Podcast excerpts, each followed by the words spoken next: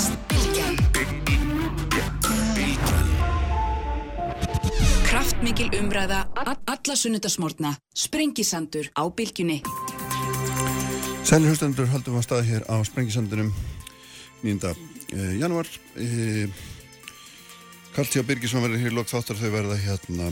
Bryndis Haraldsdóttir, Anders Ingi Jónsson og Bára Höld Beck að fjalla um málmálunni síðustu viku þess að þetta brottkvarf viðskipta fórkólufuna þryggja og uh, það er svona samfélagslega hristing sem varða því öllu. Og Viljum Þór Þórsson heilbríðsár þar verður hérna líka en sestir hjá mér Þóra Áskilstóttir sem er frangvandastjóri skoðana konnunar fyrirtækisins Maskinu, sæl og blessuð. Sæl og blessuð. Velkomin. Takk. Heru, Þú búin að vera í að hérna Þú ert búin að vera í að lesa í viðþóra þjóðarinnar í ára tugi. Lengur en í kærmum já, já, akkurat. Og hérna, mér finnst það svona forveitnilegt aðeins að, aðeins að hérna, taka húsaðir með þetta, hvernig þetta hefur þróast allt saman og kannski ef við svona bara aðeins byrjum bara í, í nútímanu hérna, hérna, þegar samfélagi fer á kvolm eins og núna getum við, vitum við orðið eitthvað um, eða er ekki miklu erfiðar að mæla og sjá hvernig svona viðþóra þjóðarinnar eru nú orðið heldur en þetta gekk allt miklu hægar og hérna, samfélagsmiðla voru ekki til og, og svo framvis, eða, eða breytir þetta engum? Mm, já sko, þú, samfélagsmiðlarnir eru samt og þú veist að maður fær bara á samfélagsmiðlum uh, skoðanir mann sjálfs mm. þannig að í rauninni þess vegna eru það sem að kannski kannanir eru svo mikilvæg vegna þess að maður fer svolítið inn í bergmálshellin þegar, mm. þegar, þegar maður fer á samfélagsmiðlana því að þeir eru alltaf að lesa algoritmana sem við gerum auðvitað ekki þannig að þýleitinu eru, er þetta alveg hérna sikkur hluturinn og, og, og hérna og auðvitað er þetta algjörlega sikkur. Já, já, já, en, en þannig að sko til og og, og umræðan er svo polariseruð mm. á, á hérna á samfélagsmiðlum að þú ert annarkort bara það eru ofsalega fáir gráir tónar og bara að því að þú segir nú að, að, hérna, að ég sé búin að vera í svo svo lengi sem er alveg horrið mm. og, og það eru marga skemmtilega sögur að því auðvitað þegar maður var að byrja að gera kannanir en, en til dæmis að því að maður var svo gammal allavega mm. mann til dæmis eftir því þegar Káranjúkavirkjun var, var hérna e, sagt, e, hérna í, í byggingu já. að þá voru við nú að, að hérna, þá var ég hjá, var ég hjá Gallup já. Og þá var, var þá voru við alltaf að spyrja öðru hverju viðhort til Káranjúkavirkjunar og það var alltaf meirluti meðal þjóðarinnar fyrir Káranjúkavirkjun mm. þó maður á þeim tíma þá voru náttúrulega ekki samfélagsmiðlar en þá hefði maður kannski alveg getað ímynda sér Já. í samfélaginu að það hefði verið, verið hérna, það, það var mjög hávær hópur mm.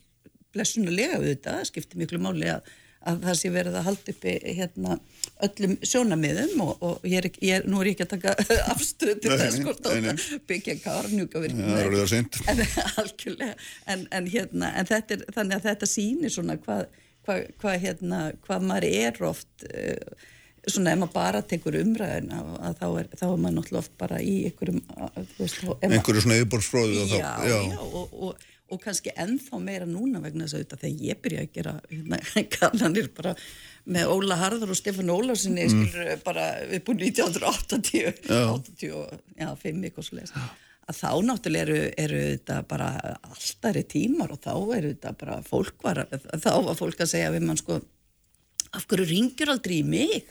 Og bara fólk var alveg fannst alveg að hafa lett í bara að fengja hattrættisvinning þegar við ringdum og ég man alveg eftir að líka hafa verið á, á línunni að tala við það voru náttúrulega allt ringt sko. Já.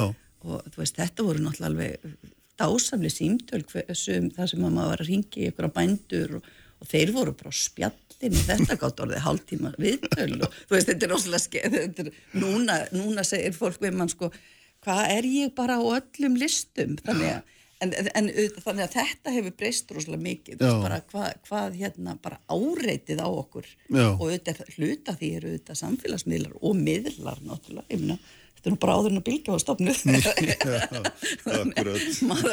mann líður eins og maður sé hundra ára já, já, en, en, en hérna þannig að þetta eru þetta eru náttúrulega rosalega þetta er allt eins og gerst hafi gær. Já, þetta, þetta er bara líka bara svo skemmtilegt. Já, já, en það, það sem er samt svona því að, að sko, hérna, þessi tækni bylting sem samfélagsmiðnir eru hluti að hún hefur náttúrulega meira minna hrætt upp í öllum öllum okkar hérna, allra okkar hegðun kaupaðun og, og, og guðma veit ekki hverju ekki og líka hrært vantarlega upp í viðþórum fólks og svona, eða er það ekki neitt hafa þau bara haldist alltaf svip eða hvernig ég sko, sko varandi auðvitað hrært upp í, jú, jú, auðvitað, ég menna umræða hefur náttúrulega áhrif á, á hérna, þú veist bara það sem þú ert að fara að tala um hérna á eftir, Mm. bara bæði eins og ég get nú alltaf satt blessað COVID-ið, ég Nei. myndi nú vilja nota annað orð, maður er verið svo vel balinn Já.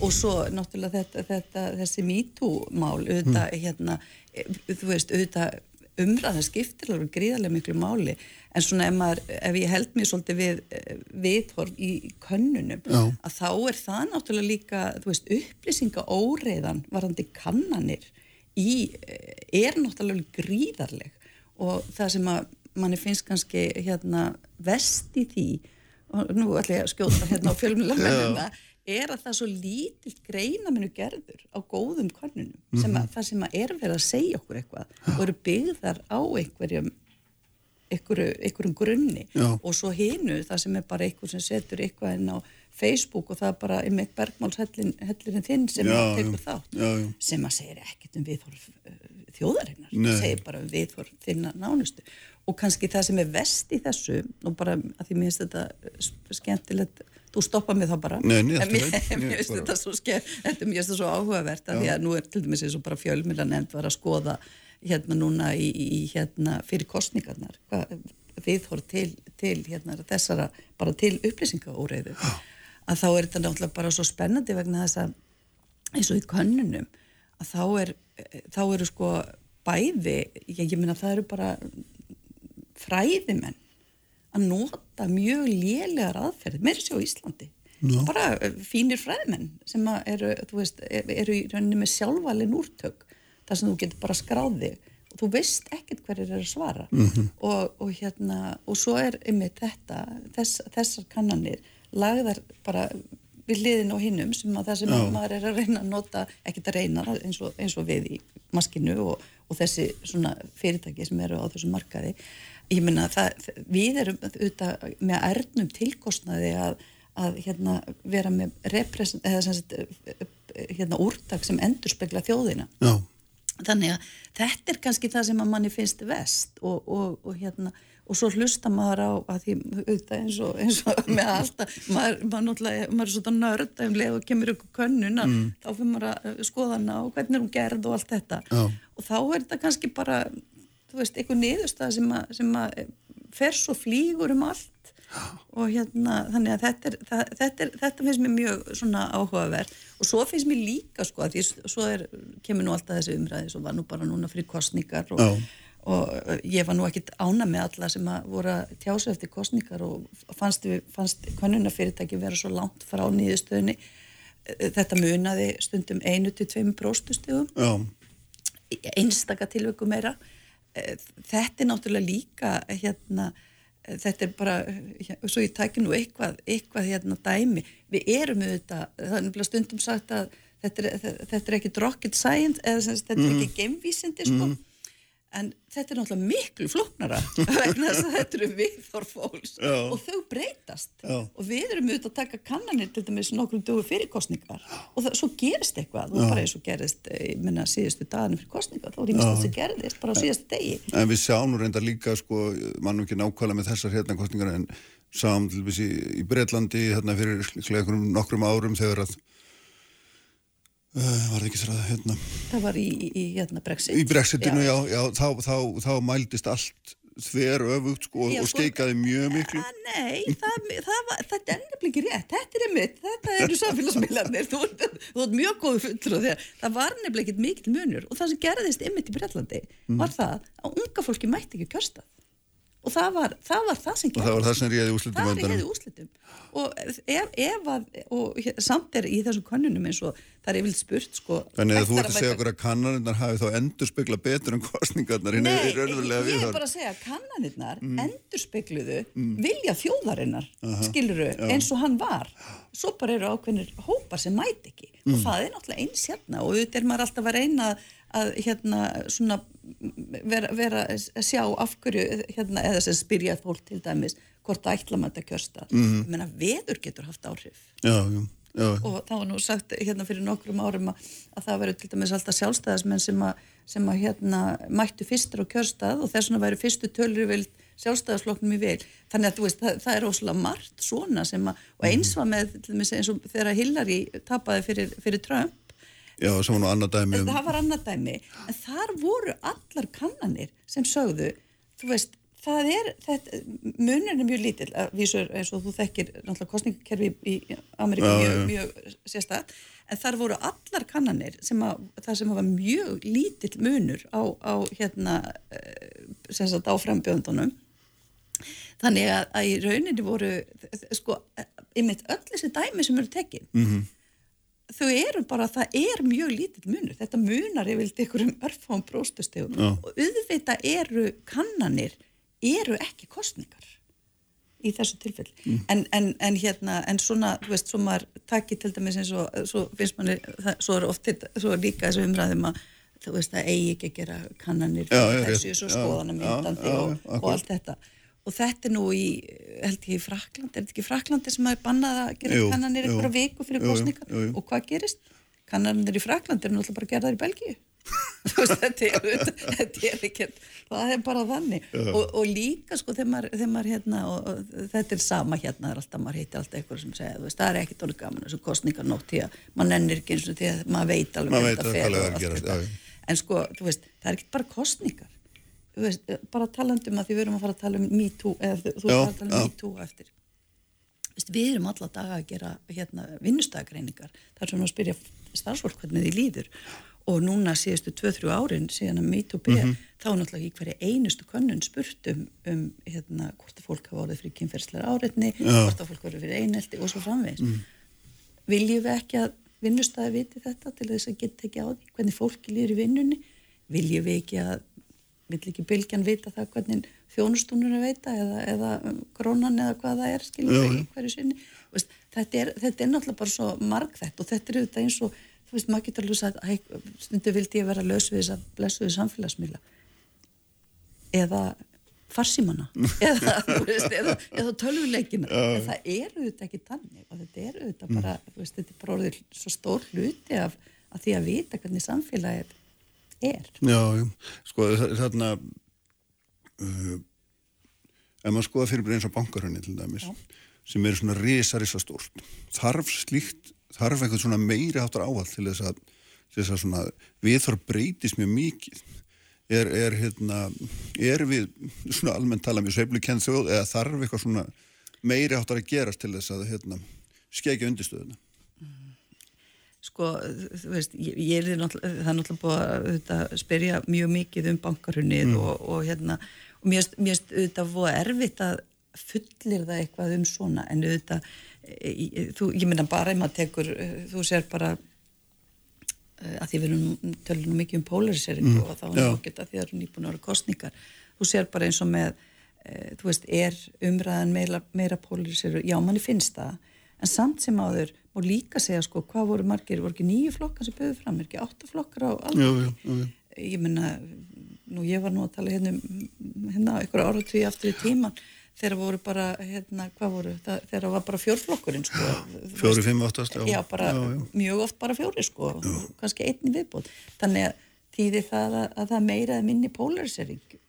Ég veit það ekki, skilur, þetta er auðvitað hérna, þetta er bara e, þú veist, breytast viðhorf. Já, auðvitað breytast viðhorf. Ég menna, ég, ég held til dæmis að samfélagsmiðlar þeir breyta viðhorfum. Þeir, þeir, ég menna þú þetta er, veist á þess að maður ætli nú að fara út í þetta e, þetta sé- sérstaka mítúmál sem að var í þessari viku þá held ég til dæmis að, að hérna samfélagsmiðlar eru náttúrulega búin að breyta umræðinni Já, og já. um leiðu þau breyta umræðinni þá breyta þau viðhorfum og, og þú veist upp, hérna, ég, ég, ég held að það hefði verið útilokað að þetta hefði gerst ef ekki hefði verið samfélagsmiðlar það sem Já. gerðist. Vegna þess að ég held nú að, að hérna, svona hátsemi hún sé ekkert ný. Nei, ég meina, ég held að allar konur kannist við eitthvað sem hafa verið, ég meina, ég er búin að vera í visktalifinu í ára meina. Þetta kemur þér ekki sérstaklega óvart. Auðvitað kemur mann í, eh, sko, ég ætla að, það já. kem, eh, ekki, jú, það er ímislegt í þessu máli sem Já, kemur já, já. óvart, vissulega en, en hérna almennt, ég menna, þú veist, þú talar ekki við nokkra einustu konu í, í viðskiptarlífinu, já, og bara hvar sem er, mm. sem eru ekki orði fyrir ykkur. Það er bara, ég, ég held hún sé ekki til. Nei.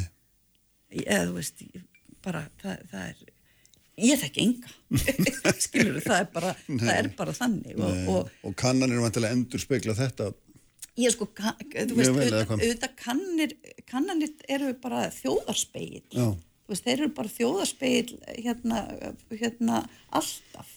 Og, og það eru auðvitað það sem er svo spennandi, ég minna bara, uh, hérna, þú veist, bara svo ekki dæmi um daginn þegar var, þegar kom upp þessi umræðum kattar að þetta banna ketti á, á hérna akkurir sem takkinu, ég minna við spurðum að þessu. Já.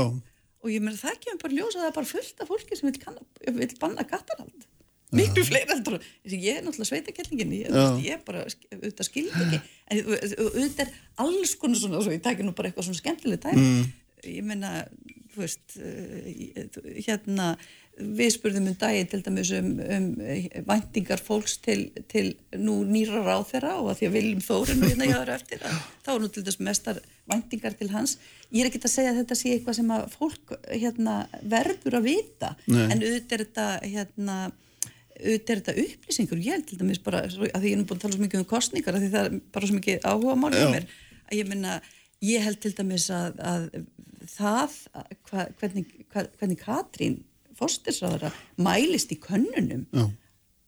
E, veist, það myndi enginn vita koni vinsæl held ég svona, þú, þú værir ekki með þessar upplýsingar svona í hendinni mm. ef það ekki væri kannanir. Nei, nei, veist, er svo, veist, það, þetta er svo marg Það er sína manni annað aðra mynd af nákvæmlega þessu heldur en til dæmis svona dagamálu umræða gerir oft, það er ljósnum alg, bara alltaf að mynd og, og takandi til dæmis bara veist, eh, hérna, auðvitað myndi allir vita að Katrín var í vinsæl mm. en hvað hún er sko vinsæl til dæmis eins og að því að maður, að því, maður er búin að skoða þetta svo lengi að yfirleitt er, er, eitthvað, er, er eitthvað sko jafnvæg á milli fylgi flokksins sem þú ert í og og hérna viðkomandi ráðherra en, en til dæmis eins og í þessum þess, þessari konu sem við gerum um daginn um, um, um hérna bara vendinga til ráðherra mm. þú veist, við, þó að framsóðunflokkurinn hafi unni gríðarlega sigur að þá voru sko til dæmis eins og Viljum og Katrín sem eru úr minni flokkunum í mm. ríkistjórn, þá voru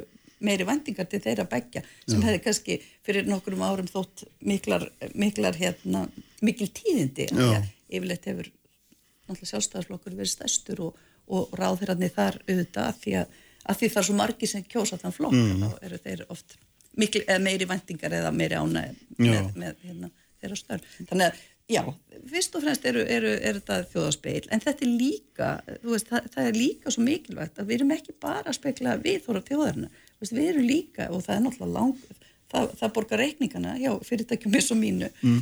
að, að hérna það er auðvitað, þú veist, kannanir með, með, þú veist, bara til að skoða hva, hvernig líður starfsfólki hva, alls konar, hérna hvað hva, hva finnst mér um þjónustu mm -hmm.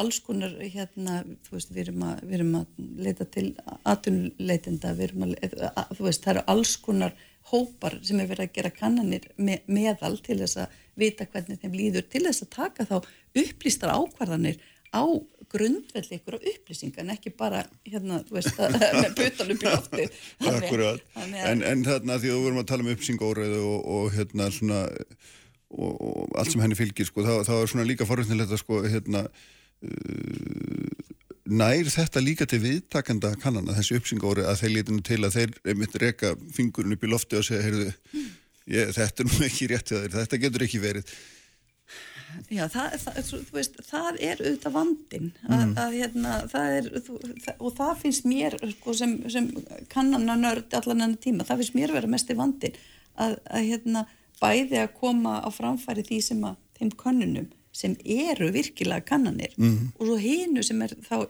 í bestafalli gert sér til gamans og, en, en er í rauninu oft bara mjög hættulegt því að ég menna það er alveg bara, ég menna ég hef hort á hér menn sem eru bara mjög ábúðafullir segja, segja frá könnunum í, í hérna sjómasfréttum annarkort hér eða á rúf þar sem það er bara ykkur á kannanir sem eru algjörlega engi fótur fyrir og það er þetta búinlega byrrandi Já, nákvæmlega. En það, þannig, að, þannig að sko kemst það, til, við, eh, kemst það til þjóðarinnar, já ég held það, ég held nú að mjög margt, eh, þú veist að skapast oft umræða um allt mögulegt sem Já, verður þeir að gera í, í konunum og þá er það náttúrulega, þú veist, sérstaklega svona spurningar eins og, eins og um, nú, um, um hundahald í blokkum eða kattahald og okkur er það, það er auðvitað, það er auðvitað, þú veist, svona til skemmtuna en, en líka náttúrulega bara viðhor, ég menna til ég menna það er eh,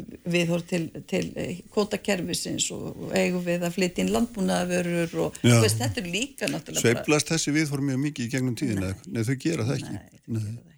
Þau, þau sveiplast ekki en auðvitað það er þróun í þeim. Og maður sér alveg að, að það er auðvitað eftir því sem umræðinni vindur fram og þegar eitthvað gerist, ég menna bara eins og bara eins og samherjamálið til dæmis, þá sérðu þess alveg stað, þá, þá þú veist, það eru svona og þá er það náttúrulega En er það, eru slík mál svona að þú skoðar yfir lengri tíma, eru þetta dægursveifla eða, eða?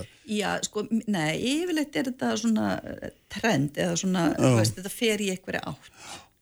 Það er, það er, og, og það, þannig að maður sér alveg svona, en, en, en hérna, þetta eru viðhór sem eru í, í, í svona eðli sín svolítið íhaldsum, þannig að þau eru ekki að sviplast, en, en vissulega reyfast. Mm. Og, og þetta eru, hérna, er- það, er- og það er svo áhugavert, þetta með að skoða eftir aldri svona viðhorf og þegar maður kannski skoðar einhver, ofta er nú ungt fólk náttúrulega, frjálslindara og, og eldri, þeir sem eldri eru. En þá spyrir maður sig er, er þetta því það eru, það eru komna nýja kynnslóðir og er verða áfram frjálslindari eða verður við bara öll íhaldsamari með árunum? Mm -hmm. skilur það, það er, það er auðvitað það sem er spennandi að skoða. Og það er nú kannski svona ef ég á að taka svona heilt yfir að þá finnst mér það nú oft, oftar að vera að, að, hérna, að það hafi verið, ég minna veist, við þá- þróist bara í átt til íhald sem ég, Já, það fylgir bara aldrei já, en ekki í í- raun og veru Já, miklu frekar. Ég meina, þegar ég var tvítu þá held ég að, að jafnrétt er þið náðu næsta ári. Þú ert ennþá þeirra skoðunar Ég er ekki ennþá þar. Þú ert ennþá að horfa á næsta ári í því Já, það það er bara, alveg- þú bara nefndir ekki árið sjálf nei, á þeim tíma en hérna, en, en hérna aðeins við svona líka minna eitt af því sem er alltaf forrættilega finnst mér allavega er, er sko svo augljós munur af fólki sem býr í þjættbíli Mm. og strjálbíli á svo mörgum sviðum meðal annars íhald sem Já, en sko það er ekki endilega eh, íhaldsemi, það er náttúrulega bara, það er kannski að því að við og, og í þjættbylunu köllum það íhaldsemi, mm, skilur já. að okkur finnast kannski einhver ákveðin, hérna, einhver ákveðin við fóru að vera íhaldsum meðan að kannski því, því fólki finnst það ekki. Og auðvitað er, er það og það er auðvitað það sem er svo spennandi við kannanir, er náttúrulega að það eru þessi, þessi munur á hópum, hann er náttúrulega bara gríðarlega mikil mm. Og, og bæði á aldurshópum, mentunhópum, tekjuhópum. Ég meina þetta eru, þetta upplýsingarna sem er lang, svona skemmtilegast að skoða sem maður í Já, en maður myndi halda svona sem, sem bara algjörleikmaður að þú veist að því meiri mentun og því betri aðgangur upplýsingum sem að augljóslega er núna með fyrir 20 árum eða 40 eða 60 eða hvað það var að það ætti að færa við þarf okkar nær. nær að því við höfum alls sama grunn við getum hort á sömu hlutina. Já, en getum, en það er, En það, það er, er ekki þannig. ekki þannig. Þú fær náttúrulega sko, það, það er mjög, þú veist, ég er svona með svolítið í, hér og í sveitinni.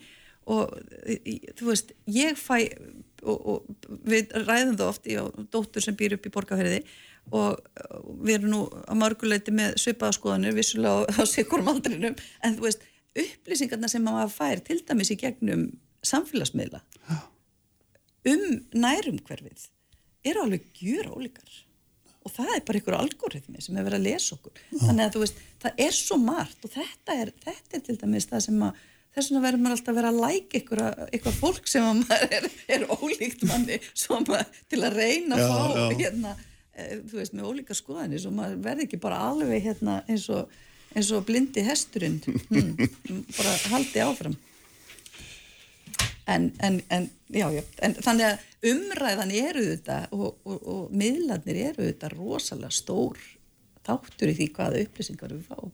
Já. En- einu en sinni þú veist- var náttúrulega öllum miðlum réttstýrt og það okkur með einn svona hefur þetta vantilega verið allt í fastari skorðum en nú er náttúrulega bara flæðir þetta fram og tilbaka Já. svo holskepla hingað og já.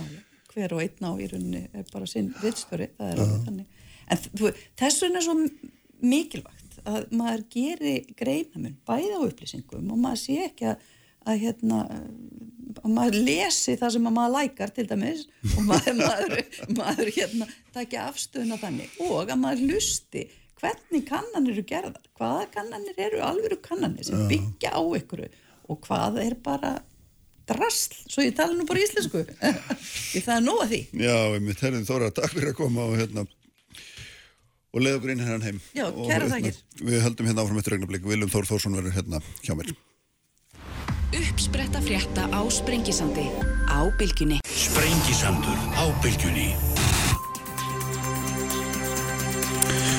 uh, Sæli hlustundur aftur uh, Þóra Áskistóttir fannir frá mér Karl T.H. Birgisson verður hér í blokk þáttarföllum þá um árs afumali ef svo má segja þessa uppþótt sem var í Washingtonborg uh, þegar að vildur líður réðist inn í þinghúsið og hérna og þingmenn skriði undir borð og lokuð að sér í skelvingu uh, mjög deildar meiningar um hvers konar viðbörðu þetta eða atbörðu þetta hafi verið og, og hérna hvaða merkingu hann hafi.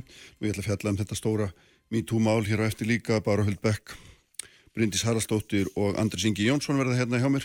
En sestur í hjá mér Viljum Þór Þórsson sem er helbriðisráður að sætla blessaður. Velkomin, Takk, hlæmingi við starfið. Þakka þér fyrir og gleðild ár. sem leiðis uh, hérna já það er þú sko þetta er ansi stort starf því að heilbríðskerfi var nú fyrir hérna stærsta verkefni stjórnmálunarna eiginlega bara síðustu sex árin eða svo, það höfður þetta verið mesta verkefnið. Og svo bætist nú COVID-i við. Já, það, þetta er, þetta er koma þér? Já, þetta er raunsönn lýsing og uh, það er ekki að fara að draga úr áskorunum þegar það kemur að helbiðiskerfi og, og, og samfélagi bara næstu áratví. Mm. Og þess vegna er þetta, þetta áskorun sem að við erum öll fyrir það að takast á við áskorun og hérna þannig ég líti á það sem tækifæri að fá að, að setja mitt mark á það. Já, nákvæmlega.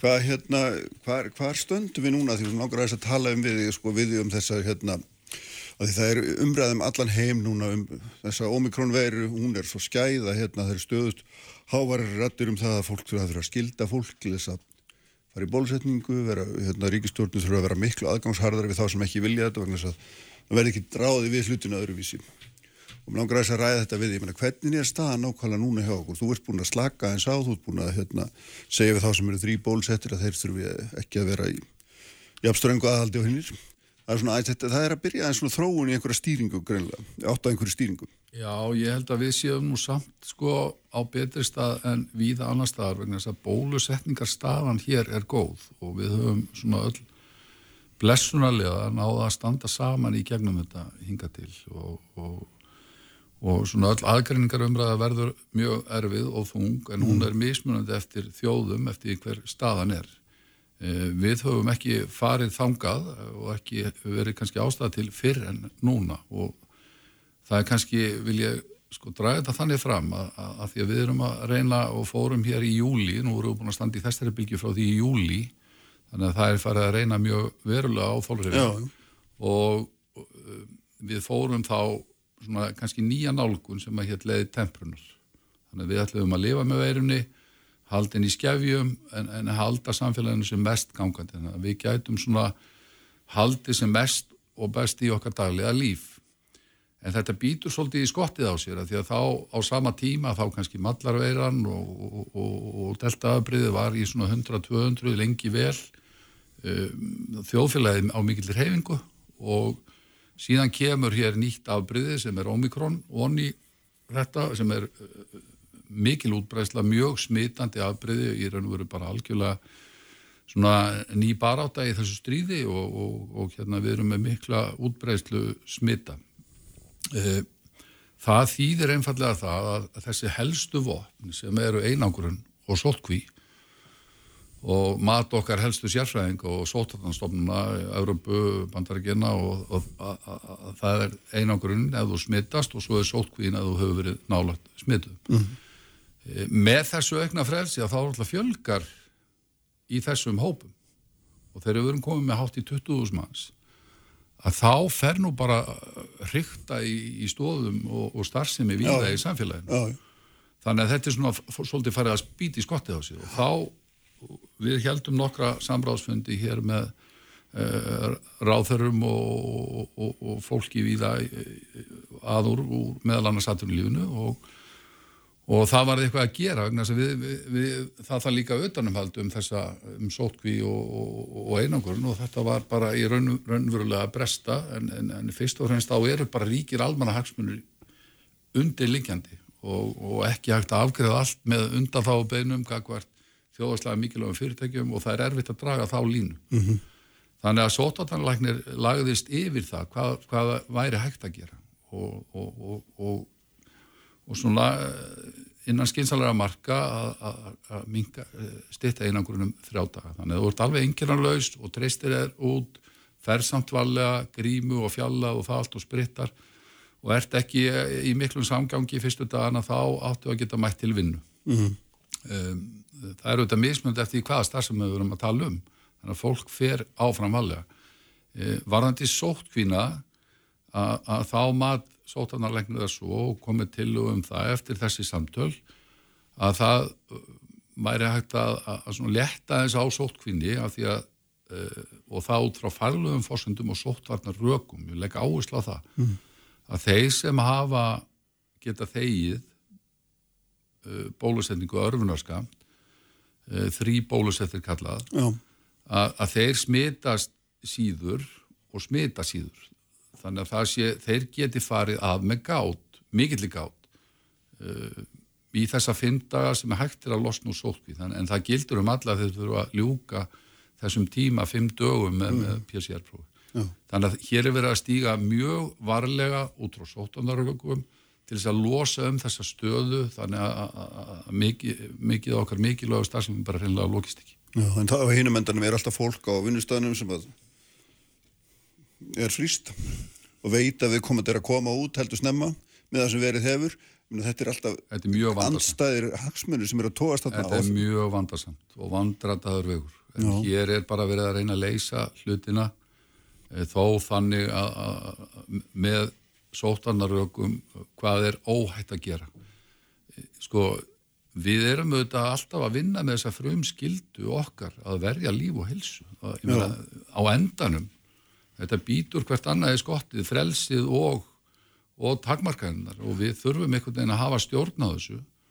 Og við höfum gert það ágætlega í gegnum þennan faraldur af því við eigum frábært vísindafólk og, og, og sem höfðu staðið sér feikilega vel. Og ég held að þjóðin hafi nú bara staðfesta mm ítrekkað og, og, og trausti þar á milli þannig að við öll reynum að- gæta okkar. Það, það er þegar uh, sko, upp er staðið alltaf það sem við erum að reyna að gera. En eh, finnst þér ekki þegar þú ert komið með þetta þennan fjölda 20.000 manns sem eru einhver staðar í, í hérna, einhverju innilókuna, einhverju tægi og, og þarna og, og við vitum alveg að, að þeir sem að þykja ekki bólusetningar eru bæði mestri hættu sjálfur en eru líka mest smitandi, ég, mér skilst það allavega. Og, og þarna hvenar koma þau mörg að við segjum við fólk hérna, taktu nú tillit til annara Jú, ekki koma hér, ekki vera þar, ekki fara þangað og getur ekki komið hingað. Þú veist, finnst þér það ekki vera neins það nálægt núna eða hvað? Við, við verðum auðvitað alltaf stjórnvöld að gæta að því þegar við tökum slíkar ákvarðanir að þessum þessu jafnbræði sem verður að vera og, og, og, bara stjórnarskrábundum stjórnarskráni 6050 greinni að allar ákvarðanir sem við tökum verða, verða að vera teknar á, á, með málefnilegum hætti. Þannig að það verður að meta eins og í þessu tilviki með sótkvína rökin og almannahagsmununa og það verður að gæta meðalhús þannig að við stígum aldrei lengra í hverju ákvörðum fyrir sig og það er það sem við erum að reyna að gæta að mm. Ég áttam á því að þessi umræð er mjög viðkvæm og, og, og, og hún er erfið. En þá vil ég minna á að við, við erum með mjög góða bólusendingastöðu. Við höfum staðið mjög vel saman í því og treyst okkar sérfræðing, þetta er mjög sérhæft svið smitt sjúkdómar og, og, og bólusendingar. Og við höfum sko falið okkar bestu sérfræðingum á því sviði að, fara með, með bólusetningar sem að hafa, ég þarf ekki að rekja þá sögu. Nei, nei, e, og, og, en, en ég áttam á því sko, við sem stjórnvöld, við verðum alltaf að meta þetta út frá þessu sem ég er að reykja hér með málumlegar ákvarðanir og, og meðalhóð. Ég meta þannig að svo ríkir almannahagsmunur hafi verið undir þegar þetta er orðið 20.000 manns og, og, og víða farið að hrykta í og jáfnvel alltaf í stöðvast að þá þurfum við bara að leita lösna og leiða og mm. þetta eru mjög svona væg skref sem eru tekinu. Ég er bara að minna á það að það verða allir að gæta sín. Já, já, það er svo sem búið að að hérna, nefna það svo ofta að ég held að fólk sé hægt að hlusta já, á þetta aldrei. Já, ég held að við, við, bara, við verðum að hafa fólkjaðinn til að mm. halda þetta út og, og við verðum líka að horfa til þess að við erum ekki með e, stæsta helbriðiskerfið en við erum með alveg magna helbriðiskerfið og ég, ég sko vil, vil líka segja það að þessi hópur, svo ég mm. klára þessu umræðu, hann er líka fjölbreyttur. Við þurfum líka þegar við erum að tala um að, að taka málumlega ákvarðanir mm. og meðalhófi þá verðum við átt okkur nákvæmlega á því hvernig þessi hópur er samsettur og hann vir, virðist mjög fjölbreyttur. Við höfum verið að reyna að leita leiða til að ná til fólks og greina þannan hóp og greina hvernig svona... Það sem ekki vilja fara í bólusetninga. Já, eða einhverjum ástæðum bara geta það ekki. Já, það er líka já, til. Já, jú, jú. Og, og, og, og síðan er það sko... Um, þessi lið sko hvernig leggst þetta inn á spítalun en það, því miður er það þannig að þeir sem eru bólusettir þeir eru líka að smitast sko. við já, bundum ja. auðvitað vonið við það að, að bólusettin kemur bara alferðið í veg fyrir smitt en það er ekki raunin. Einhver tíma fannst maður í það og svo kannast engi við að hafa, hafa haldið í fram en ég meina hvernig passar þessi þegar þú fer með þessa ræðu, hvernig passar svo að segja það inni þegar þú byrjar á því eiginlega bara hérna á fyrsta degi að veita undan þáur tónleikar, veitingahús og svo framvegis Minna, og hérna hefur nú fengið aldrei spátt fyrir Af hverju gerur það? Já, það er, það, sko, þá hef ég nú, ég hef nú svarað þessu nokkur sinnum mm. og það er skiptu hundruðum, það er ekki eins og ég siti bara við síman og, og velji úr en eitt slíkt. Alltaf beðnittar, mennur? Nei, og, og það er alltaf... Beðnittar skiptu hundruðum? Er... Já, það er alltaf þannig, þegar þú rýfur í bremsur, Já.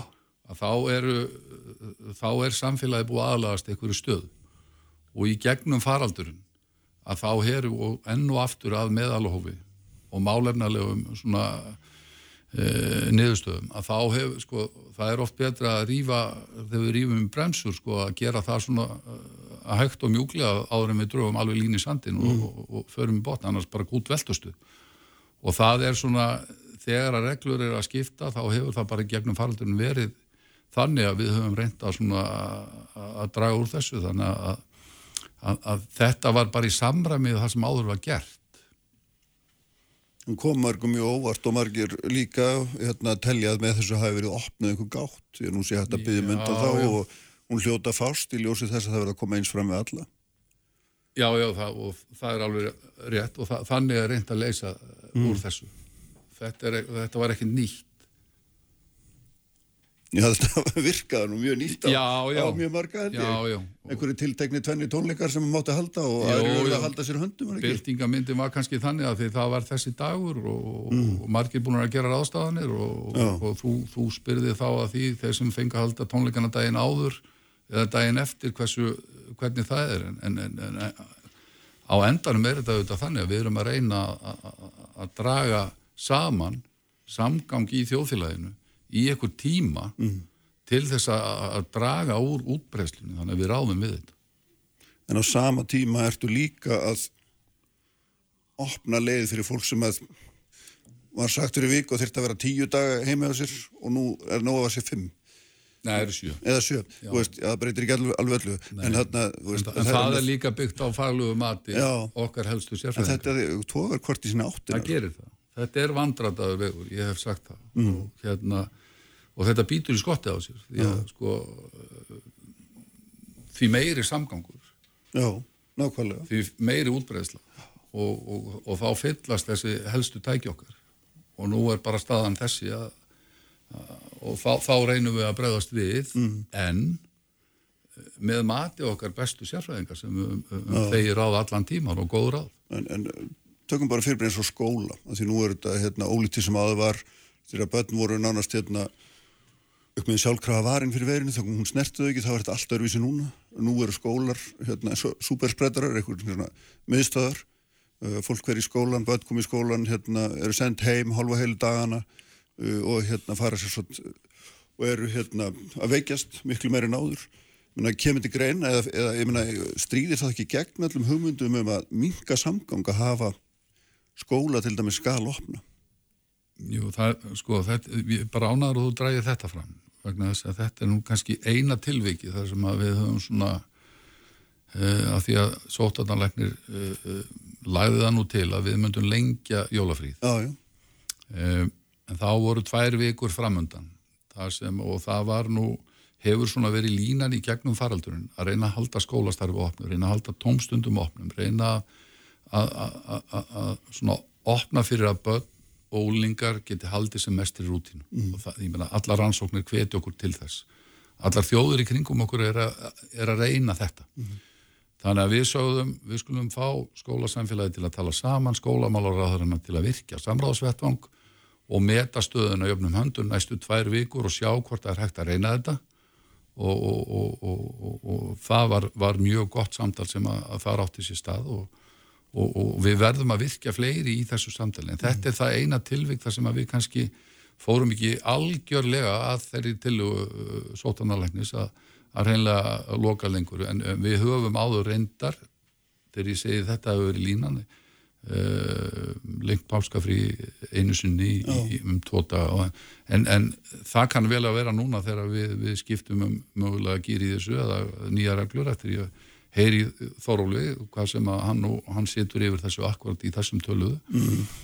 hvernig staðan er á þessu og við heyrum í, í, í skólamálaráðurum og skólasamfélaginu út frá þeirra samtali við höfum tekið þátt í því helbæðistaðandun til að meta skólareglu gerð sem að sem að mátast inn í þessar almennu reglu sem allt samfélagið er að reyna að máta sig inn í til þess að takmarka samgang. Mm -hmm. er, er hérna, sko, já þetta er, þetta er ansið flókið eins og við nefnum þetta er svona tógar, tógar hvað í annað og, og, og það sem er náttúrulega hefur kannski að þú, sko, að þú vitnar í sótvarnalæknir þú ert að býja til blæði frá hún og þá hefur þetta líka svona, þá er þetta verið líka umræðan það hver eiginlega stýrir, sko. Að því að völd sóttvarnarlæknis samkvæmlega eru mjög mikil og eins og stjórnmálinn svona hafi veigrað sér við að rökraða margar af þessum ákvörðunum á sko þessum fórsendum sem að hvar eru almannahagsmunni sko, hvar eru þeir? Að því að hérna fram að þessu held ég að sé nú svona óhætt að fullið að við höfum mestanpart hort á sóttvarnarsjónamiðin er það ekki? Alveg rétt. Og þetta er umræða sem við þurfum einhvern veginn að halda áfram með og, og e, þetta er við, við félum, þetta er svo sérhæft svið. Faraldusfræðin og smittsjúkdómanir að, að, að það er auðvitað eðlilegt að við við félum okkar helstu sérfræðingum á því sviði eitthvað hlutverk í þessu. E, annað væri nú sérstaklega en við félum það réttjáður, við félum sótunanleikni mjög viðtækt hlutverk og, og, og hann kemur með tillugur sem að síðan eru teknar inn í ráðranemnd og inn í ríkistjórn við höfum ekki ennþá farið með þetta í þingið. Um, öðruvísi en bara í sérstakri umræðu eða, eða e, skýslugjöf og, og þess áttar en, en, en ég held að svona framvegin hljót, hljótu að horfa til þess að kannski þingi fá auki sko, hlutverk og vægi í þessa umræðu. Mm -hmm. Hvað finnst þér um til að hérna, við þarf samráður hérna þinna öllum svo sjálfstæðarflokknum sem að veri mjög hérna svona ákveðinir því að þetta auka frelsi mikið, kannski ekki alveg sístu dagana en rétt þar áður. Og, og sem að tala nú ekki við þarf vara þingmanns sjálfstæðarflokksins sem skrifa nú öllum skólastundum breg og, og hérna passa uh, og hvetur á til þess að geta ábreyðsinar og dæl ekki hérna dæl ekki efnum í börn sem engi viti hver hvað áhrif hefur.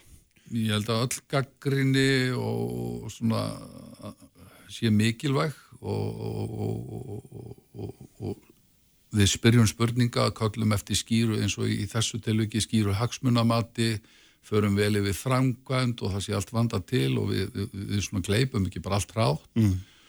Og við reynum að sko leitast við það, við erum með stofnanir sem hafa svona sérhæfingu á þessu sviði sem eru lífjastofnun gefur út markaðsleifi, sótanlæknir hefur með höndum að meta bólusetningar og fara með, með, með, með bólusetningar í landinu. E, við verðum hins vegar sko passa okkur á því að umræðan verði ekki svo hávær eða kannski heftug að einhverju marki einhver metið það þannig að sé að sé jáfnvel standi ógnun af því eru nótið þunga orð að það svona drægi úr í raun og veru verkefnin sem við erum öll í sem er að, að verja líf og helsu mm. og það, það, við, er, við, við þekkjum þessi einföldu atriði sem við þurfum að passa upp á fjallaðina, spritti, þrýfa grímunótkun takmarka samgang mm. og við, við erum bara, við erum búin að vera í þessu í tvö ár og það auðvitað reynir á þólkeðin þegar við fáum svona eins og þessa nýju veiru sem er, er jafn smittæf og, og raunber vittni og þá verðum við að takast á við það sem samfélag, það er kjarnaverkefni mm -hmm. og við verðum að passa okkur á því og þá, þá verðum við að beita öllum tiltakum ráðum til þess að ná því megin markmiði. En það er langu vegur á milli stjórnmálamann sem segja fylgjum vísindamannunum og hinnum sem að hérna, setja raun og veru hérna, tortrygnismerki við allt sem þeir segja. Já, já, það er... Það er langur vegur hérna milli, sko. Já, já, það er langur vegur og það er einhver, svona, auðvitað alltaf vandrataður en það er einhver svona eh, eh, þessi millivegur sem við verðum að stíga og ég mm. kom inn á það hérna hvernig þetta býtur í skotta á sér eða þú bara, eða þú ætlaðir bara ekki hafa neinar svona reglur fyrir fólk að máta sér inn í þannig að allt samfélagi svona gangi takt til þess að hindra út, þessa útbreyslu hún má ekki verða hröð, við, við vitum það, það, það blasir við öllum, að þá auðvitað verður á endanum útbærslan þannig að, að tækin eru farin að, að býta okkur, allt samfélagið. Sko. Mm.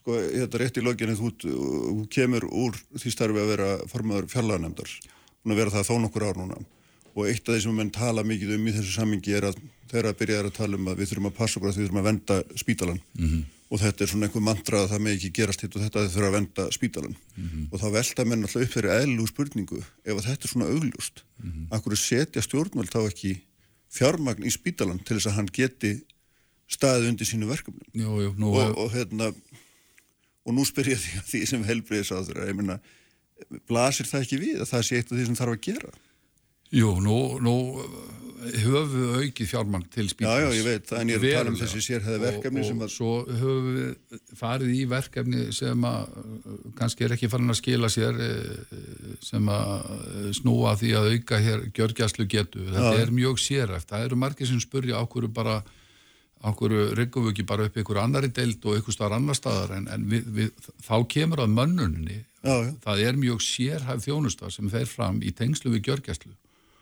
og viðkvæm.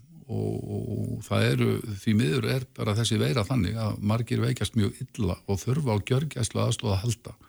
Og það eru, því eru takmörgsett núna uh, höfum við verið að leita eftir því að semja við sjálfstætt starfandi uh, geiran um að koma inn á spítalan með þess að sér hafðu þekkingu til þess að vinna með spítalanum. Og það það, það er að ganga upp, það er að bæta stiði læknar og, og hjókurunarfræðingar og við getum ímynda okkur líka það þegar spítalið er búin að við þessar aðstæður í tvö ár hlaupa aukalega það, það er, því eru takmörg sett hvaða fólk getur lagt aukalega á sig mm -hmm. og hérna en, en það eru hundru hjúgrunafræðing út í bæði sem er ekki í vinnu við, við þetta starf. Já, og á einhverjum ástæðum. Og eitt af meilverkefnum þínu lítur að vera að koma algjörlega, algjörlega og við erum að reyna að byggja upp bakvarasveitir og kalla Já. fólk inn á, á, á vaktir og svo framvegist þannig að það, það, það fara bara allir dagar í þetta nákvæmlega verkefni akkurat núna og er búið að gera í, í, í, í daggóðan tíma. Ímislegt verið reynd að gera og, og hérna en við erum á þessum tímapunkti núna og það, okkur hefur þó gengið bara nokkuð vel mm. hinga til og, og, og það er engin að gefast upp Næ. Ljómandu viljum, hérna, það var auðvitað svona undir vennlum kringustafn hefði við talað um helbriðsmálum vitt og breytt en við hérna, fáum betra tækifæri til það setna Já, þetta spegla bara stöðuna Já, gerir það. Takk fyrir að koma Takk. og hérna, ég ætla að fjalla hérna um Me Too og svona mýms æmisabriða því bara Huld Beck verður hérna Bryndis Hallastóttir og Andri Singi Jónsson Sprengisandur Ábylgjunni Komdu með í ott Sprengisandur. Á bylgjunni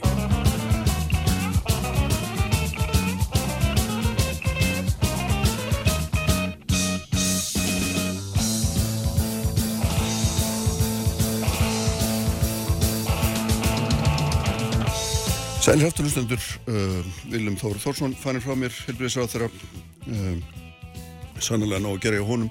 Uh, Karl T. Birgisson verður hérna í lókt þáttar fjöllum þá um bandarisk stjórnmál uh, Sestur í hjá mig núna Bára Höld Beck blaðmaður á kjarnanum, Andris Ingi Jónsson og Bryndi Sarastóttir sem bæðir auðvitað alþingis. Menn verið velkomin öll. Uh, Við ætlum að reyna að fara aðeins yfir þetta þetta mál sem tröllreið nú öllu í síðustu viku sem er, ég veit ekki hvað maður á að kalla það hérna Uh, sagði einhver staðar uh, viðskipta forkólur á flótta undan MeToo. Er það ekki ágætt hérna? Bara þið voru náttúrulega varst búin að og þið búin að vera að vinna í þessu lengi og hérna var alltaf margir mánuði sem allir heyrði þessar sögur og, eða mjög margir allavega. Já. og einhvern veginn svona beð maður eftir þetta springi. Og þú varst búin að vera að skoða þetta lengi og mæta eiginlega bara, er það ekki bara þögn meirið að minna? Jú, algjör þögn í rauninni. Uh, við sem sagt hófum okkar rannsókn í nógumber og síðust ári. Og eins og komið fram þá náttúrulega voru hann að skjáskott af uh, hennar frásögn sem hún sett á Instagram bara fór á milli manna og, mm -hmm. en einhvern veginn engi gerir neitt. Hún náttúrulega nafngrænir hann mjög svona áhrifamilla menn já, í íslensku viðskiptalífi. Þannig að þetta var náttúrulega svolítið sjokk að lesa þetta. Og hún er alveg með svona grafiska lýsingar hvað gerst þannig í þessum bústað. Þannig að uh, við byrjum að rannsaka þetta og, og hérna sendum fyrirsputnir á þessi fyrirtæki sem að þessi menn tengjast. Og í rauninni fáum við bara óalega lítið lítil sver. Mm -hmm. En þó þannig er það ekki að, að það neytar því enginn þetta sé hafi gerst. Er, eftir því sem ég lesi þína greina þá, þá er það ekki þannig upphæfi. Nei, nei, sko, það er bara annarkvæmt svaramenn ekki eða, eða segist bara ekki alltaf þetta í málunum Nei, í rauninni sko eru stjórnir þessar fyrirtækja sko þau svara svo endanum þar að segja uh, Ísei og Festi en uh, sagt, fyrirtækjans sökveðan alltaf svarar aldrei. Nei. en það er kannski hans öðruvísi hans mál, hann er alltaf aðalegandi í því fyrirtækja svona snýra hans öðruvísi við. En jú, auðvitað, ég vöndi því sem bladamæður að hérna, fá lítilsför, en þetta var svona áberandi mm. uh, hversu, hver, hvernig svarleysi var.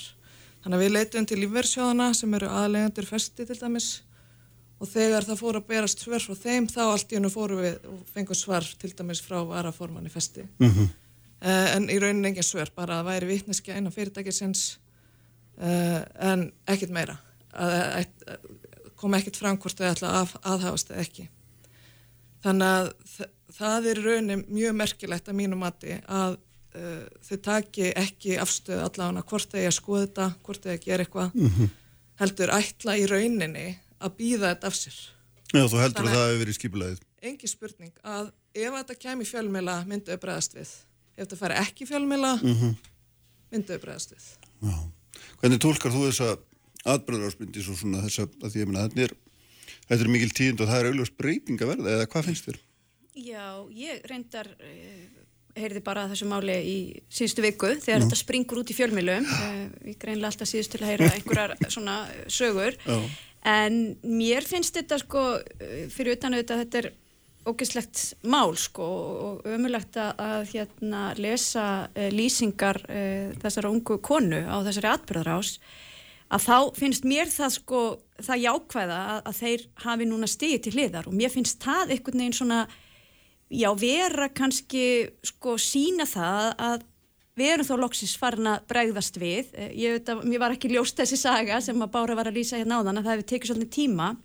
Þannig að mér fannst það jú svona svolítið stórt atriði að viðskiptarlífi væri að bregðast við og, og að þeir væru að fara í, í leifi, að fara frá störfum og, og með því með einhverjum hætti axla ábyrð á, á, á gjörðum sínum.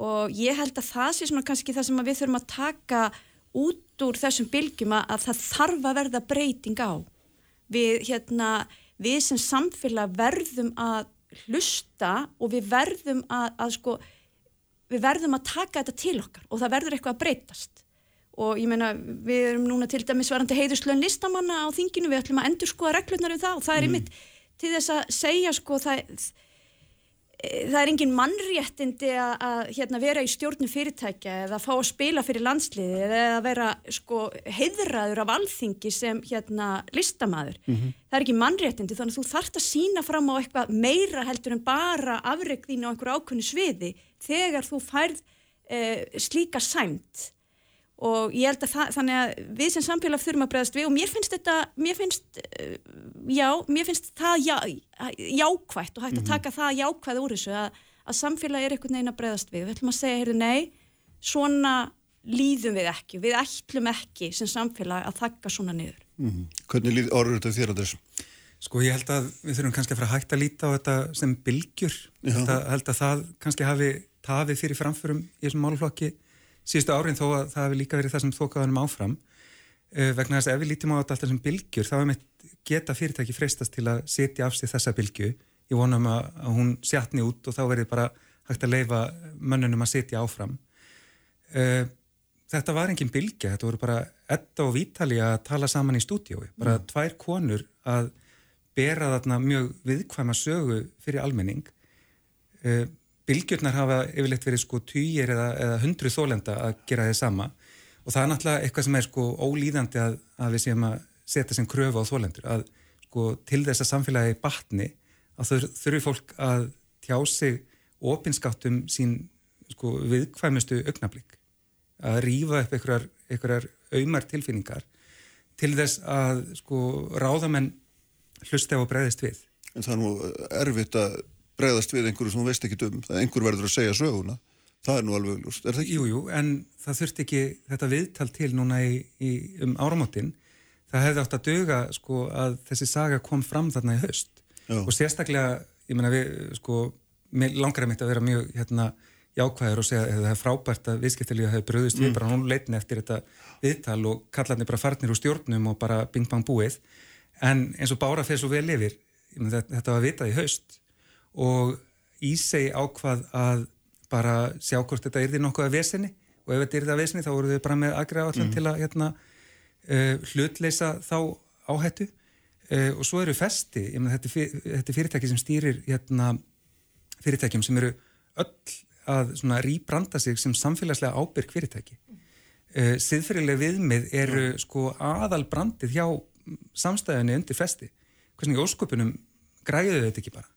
Það þarf ekki formlega kæru þegar þú ert að tala um hérna, brot á einhverjum svona síðareglum uh, fyrirtæki sem er að, að sko, þykjast vera í einhverju mm. fóristu þar eða bara að gera betur já. það var bara að vera innbyggt í þau minnarum Já, það er það sem þau segjast þurfa að gera já, já. þetta er ekkit mín kraf, þetta er bara þeirra loford sko. Já, akkurat Lákarlega brindist það er alltaf svona það er ákveðin hólu hljómur auðvitað þegar að þegar að hérna, verið er stöðust að er að gefa út svona yfirlýsingar um samfélagslega ábyrð á öllum mögulegum sviðum og þau eru að hérna, einlega síðareglur og starfsmennu eru að hafa sér svona og hinsegin og allt þetta en svo eru aðstumennir, einhverju þeirra -hmm. á einhverju allt annari leiðu Já, ég, hvernig, hvernig, hvernig neila brúum við þetta? Já, ég meina það, það er ekki þannig að þú getur notað sko, samfélagslega ábyrð sem sko einhver markasetning á tól og það sé ekki á bakviða samfélagslega ábyrð er samfélagslega ábyrð og auðvitað þarf hún að hérna, vera praktiskur alla leið, þetta er ekki bara eitthvað sem hún skrifar í eitthvað fallett skjál og setur á heimasíðuna sko, mm. eh, en eins og ég hérna, sagði, ég hafði ekki hugmyndum þetta mál fyrir í síðustu viku og mm. ég held að það, það væri upplýmið þjóðarinnar að það kemur bara einhver holskepla á okkur í síðustu viku, byrjar með einhverjum sögursögnum um, um, og út frá þessu viðtalið sem enginn er nafngreindur en greinilega hafa fleiri vita meira og, og ég ekki síðan eitthvað á Instagram eða eitthvað slíkt. Þannig að ég svo sem veit þekki það ekkert hvernig þessi fyrirtæki hafa verið að, að hérna, tækla þessi máli að taka stáfið það. En mér finnst allavega punkturinn núna að það, e, að það sé staðan. Mér finnst það mikilvægt. E, auðvitað, það eru örglega hægt að gaggrina þau og, og viðbröð þeirra en, en á þessum tímapunkti erum við komin hingað. Mm -hmm. og ég held að við, þú veist að það sé svolítið áfangi sem að við þurfum að, hvort sem það sko bilgja, þetta er bara samfélagsbreytinga, þetta byrjar með MeToo-byltingunni og, og svo kemur aftur þessi bylgja og ég bara tek alveg undir með andri sem með það, við ætlum ekki bara að vera einhverjum bylgjum, við ætlum bara að segja, heyrðu, nú ákveðum við sem samfélag að þetta er ekki líðandi mm. og fólk sem hegða sér með svona hætti, það verður einhvern veginn að taka ábyrð á gjörðum sínum og það getur ekki verið í forsvari e, fyrir fyrirtæki eða e, stopnarnir eða e, hérna, í einhverjum svona þannig sætum að eru ábyrjandi, við bara gerum meiri kröfur og, og, og fólk verður bara... En ertu, að segja að menni bara ekki afturkvæmt? Nei, ég er ekki að segja það. Nei? Ég er ekki að segja það. Ég, hérna, ég held að sko, fólk sem gerir uh, svona mistök og sínir uh, slíkan domgrendabrest þarf einhvern veginn að stíga til hliðar og svona aðeins að hugsa sinn gang en ég held sem samfélag við um aldrei að útiloka fólk að það er ekki afturkvæmt eh, en eh, mér finnst bara að fólk þarf svolítið svona að taka einhvern veginn ábyrð á gjörðu sínum mm -hmm. og fyrst og fremst auðvitað að byggja eh, fólk afsökunar og, og reyna að vinna í sínum málum og, og hérna það eru auðvitað náttúrulega fólandi nummer 1, 2 og 3 sem að eh, á að svona kannski fá eitthvað um það ráðið hvernig eh, málinn þróast áfram En þannig að mér finnst þetta stórt skref en ég er ekki að segja við, við um ekki að sko fara í einhvers konar út til okkurna menningu að einhverju sem að uh, einhver tíman hafa uh, brotið uh, eða gert eitthvað að sér og gert eitthvað mm. á kostnað annara eigi aldrei afturkvöndi í þetta samfélag, alls mm. ekki. Mm. Því þá myndum við heldur ekki fá fólk til að stíga fram og viðkenna að það hafi brotið á einhverjum.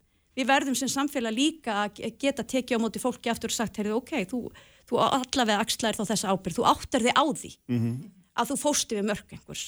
Og það er eitthvað. Já, já, akkurat. Var mikill munur bara að því að hérna, svona, áfram með þessum dúr hérna, sko, viðbrönd til lífeyrissjóða á fyrirtækja því nú eru lífeyrissjóðanir einmitt með sko, sérstakar fjárfestingarreglur hérna, síð, síð, síðlegar fjárfestingar og sem að ná til allra mögulegra þáttan, ná til mannriðtinda umhverfismála, loslasmála og svo framvegs og framvegs er, hérna, og gefnir út sérstakar skýslur um þetta allt saman. Mm -hmm. uh, er var auðveldar að komast að þeim í ljósi þessa eða, eða voru þeir jafnlokaður og fyrirtækið sjálf eða hvað? Það var uh, auðveldara, allavega á einhver leiti. Uh, Lífverðsjóðurnir, þessir fjóri sem að, uh, ég hafði samband við á kjarnanum, brugðust svona frekar fljótt við og í rauninni þótt að svörin hafi verið frekar svona hóleg mm. Uh, bara svona að væri verið að skoða þetta og þau myndi nú fylgjast með gangi mála og hafa, sko sumisöðu hefur haft samband við stjórnfesti og svona beðið stjórnamenn um að bregðast við þessu máli og, í raunin að svara fjölmjölum uh, þannig að það var svona ákveði jákvætt. En svo þetta heyrði ég líka bara samkvæmt heimildamönnum okkar kjarnans að það hefði verið mikil olga innan lífverðsjöðuna mm -hmm. út af þessu máli þrátt verið að svörin til okkar hafi verið svona frekar yfirveguð þá hafi verið svona meira panik hann að baka því sko mm -hmm. en uh, lífverðsjöðunir hafa náttúrulega ekki mikið verið að skipta sér af Nei, nei, þeir eru náttúrulega einhverjum svona haldu sleftu sambandi alltaf Já, Já. og hérna eins og Ragnar Þór Ingosson uh, formaði VFR benti á í viðtali bara rú og okkur að uh, það það er kannski komið að því að þeir taki meira svona, þátt í þessu ef það þarf einhvern veginn að beita sér. Þetta er hérna draumur hjá Ragnar að skipta sér á öllu og, og, og allir skítrætti við hann þegar hann byrjar að byrjar en, en ég minna hérna, Svo er náttúrulega í já, lögum um lífriðsöðu þegar eiga að setja sér sér fyrirlega við mig. Já, já. en það er bara, einhvern veginn virðist enginn í kerfinu vita hvað fælst í því og, og því hefur ekkert verið fyllt eftir. Auðvita á lífriðsöður sem að sko stýrir megin þorranum af atvinnlífinu að hafa eitthvað um það að segja hvernig mm. atvinnlífi þróast. Já, já, akkurat. En hvað finnst ykkur um þetta sama ég var að spyrja Bryndisi, eða meðan afturkvönd? Eða, eða er það augljóst eða, eða þú saði líka ágætla Bryndisi að það var ekki mannréttindi að vera í fórsvari fyrir fyrirtæki eða Nei. á, minna þannig að þú getur átt afturkvönd bara í eitthvað annað skilur? Sko ég, ég stundu skilji ekki alveg umræðana um uh, þessa útilökuna menningu eða sleifuna menningu eða hvað við kallum þetta út af því að mér sínist svona að bara fólk eigi mjög mikið eftirkvæmt. Þú veist, hvaða dæmi hefur við það, um það að uh, fólk sem hefur þá brotið af sér einhvern veginn bara eigi enga veginn eftirkvæmt. Þannig að ég, ég, svona, ég upplýði stundum eins og við sem að tala um einhvern stráman. En auðvitað á fólk að eiga eftirkvæmt ef að hérna, það bara sínir sko ákvæmna uh, já, bara byggst afsökunar sínir að það sem sagt muni gera eitthvað í sínum málum og svo mhm. framvegs mm -hmm. uh, en það líka uh, snýst rosalega mikið um þólendur þú veist, þarna eru að tala um uh, eins og í þessu tilfelli mjög svona mikilsmetna menn í atvinnulífinu og þólanda sem er, uh, þetta er ungkona, hún er sko ekki næstu eins vel tengt eins og þessi menn, við verum þannig um peningavöld þannig að þarna sjáum við rosalega mikið valda uh, misræmi á milli þessara einstaklinga. Þannig að í rauninni hérna sko eru þeir í rosalega góðri stöðu gagvart henni bara að þakka hana neður en svo þetta hefur hún bara þetta hugur ekki að stíga fram og segja frá sinni reynslu. Mm. þegar þeir í rauninni bregðast ekkit við Uh, hún er búin að leita til þeirra og búin að byggja það um að uh, sem sagt e, e, ræða við sig, ræða málinn sem þeir ger ekki. Og þá þetta, er hún tilnætt til að koma svona opibella fram. Uh, svo er núna bara spurning hvað gerist næst? Þetta fer það allt eftir viðbröðum hjá þeim. Mm -hmm. þannig að ef við erum að tala um einhverja útilokna menningu þarna þá verður þetta bara komið ljós. Þú veist, mm -hmm. það er ekkert að segja fyrirfram öll þessi dæmi er mjög ólík sem hafa gerst hérna í íslensku samfélag á síðustu árum. En það er greinilegt að uh, það mun bara, við mun taka hvert dæmi fyrir sig og þetta mun bara koma í ljós. Hvernig þeim mun bregðast við. En það er alltaf engin kæra komið fram með þá. Þannig að þetta er ekki ofinbært mál í þeim skilningi. Nei og ef að það væri viðmiði þá myndi nú ansi lítið þokast í þessu samfélaga því að rétt, réttafarið er ekki að virka. Þa, það er sérstaklega í kynfyrirsbrotunum að þá er ákjör hlutfall allt og látt, sakvellingar hlutfall allt og látt, sönnabyrðin ofhá uh, við erum með bara... En alltaf viltu sakvella fólk sem getur ekki 100% vissu sann að hafa gert það sem þau borðið að byrja Nei, það er, það er hægt að sko þróa kerfið þannig að mm. það sé þólendavætna sem að það er enga við, þetta er mm. hérna, hundúrelt kerfi sem að þjónar ekki því að ná fram réttlæti í kynfriðsbrótamálum. Við sjáum það bara á samanbyrði á tölfræði milli sko kynfriðsbrótamála til dæmis upp í landsrétti þar sem að þeim er sko snúið miklu oftar en nokkrum öðrum málaflokki. Eh, það er bara eitthvað rótið í þessum málaflokki í, mm -hmm. í öllu ferlinu uh mhm. -huh. og meðan það er ekki lagi þá getum við ekki gert það einhvern veginn að kröfunni, að hliðinu inn að, að jætna, því að taka ábyrð í almannaríminu eða, eða fyrirtækjum eða hvað það er. Og þessi fyrirtæki líka, þau er ekki sko siðfrilu viðmiðin þeirra sem að þau setja sér sjálf, þau mið ekki við bara að fyrirtækin sé ekki að brjóta lög þú þarf ekki að setja þér eitthvað stefn og monta þig á henni ef, ef það er það einast þú ert að gera því að mm. við eigum bara öll ekki að brjóta lög hvort sem við erum fyrirtækið einstaklingar mm. nei, menn þetta hlýtur að ganga lengra og þá gengur það lengra því leitinu að skýr ásökun um eitthvað brotlegt eða ámælisvert á að duga og sko öll sem hafa hlustað á þetta viðtal við hana viðtalju mm -hmm. sjá að það er eitthvað sko þetta er eitthvað skýrasti vittnesbyrjur um brot sem að nokkuð okkar hefur séð þetta er, þetta er klukkutími af einn sannfærandi frásögn og hugsa sketur. Og mér finnst ekki skipta máli hvort nokkur þessar manna verið dæmdur fyrir nokkur skapaðan hlut. Uh, þetta er þólandi það er svo nóg komið fram ásökun og hún er nógu trúverðu í þínum huga þá hérna, ána hafa afliðingar Já, það, er, er það, það, það, það það er það sem við hljóttum að meina þegar við segjum standa með þólendum þegar við segjum trúa þólendum mm -hmm. þá trúum við svona frásögnum og trúum þá ekki þegar að þeir sem að eru gerendur í þeim frásögnum lýsaði saklissu sínu. Mm -hmm. Hvað finnst þér um þetta, Bryndís? Eh, sko, þessi málaflokkur eru þetta svo erfiður þegar það kemur ymmit af því að, að dæma og, og hérna eins og andrisferðin yfir þá held ég að sko, það er ímislegt sem við getum gert enn betur í, í málaflokkunum kynferðisafbrót en það er líka mjög margt sem við höfum verið að gera og við höfum bætt réttarstöðu þólenda töluvert á síðustu árum eh, en við getum gert enn betur. Eh, sko ég held að sé ekki þetta alhæfa einhvern veginn svona í þess að segja bara, þú veist, ef einhver stígur einhvern tíma fram og sakar einhvern með eitthvað þá, þú veist, þá er það bara svona og þá uh, er eitthvað ferli í kringum það. Mm -hmm. Ég held að þurfi sem mál eru þetta uh, uh, svo alls konar, að ég held að það þurfi að horfa á hvert mál fyrir sig uh, og ég menna, ég er búin að hlusta á hluta þessu viðtali og ég bara ég trúi uh, konunni, ég hef mm. enga ástæðu til annars, ég held að það sé sko svo fjárstæðu kent að einhver seti sig í stöðu þólenda og í rauninni ljúi sig inn í það að vera þólandi e, þannig að hérna við sem samfélag höfum satt þegar ég trúi mm -hmm.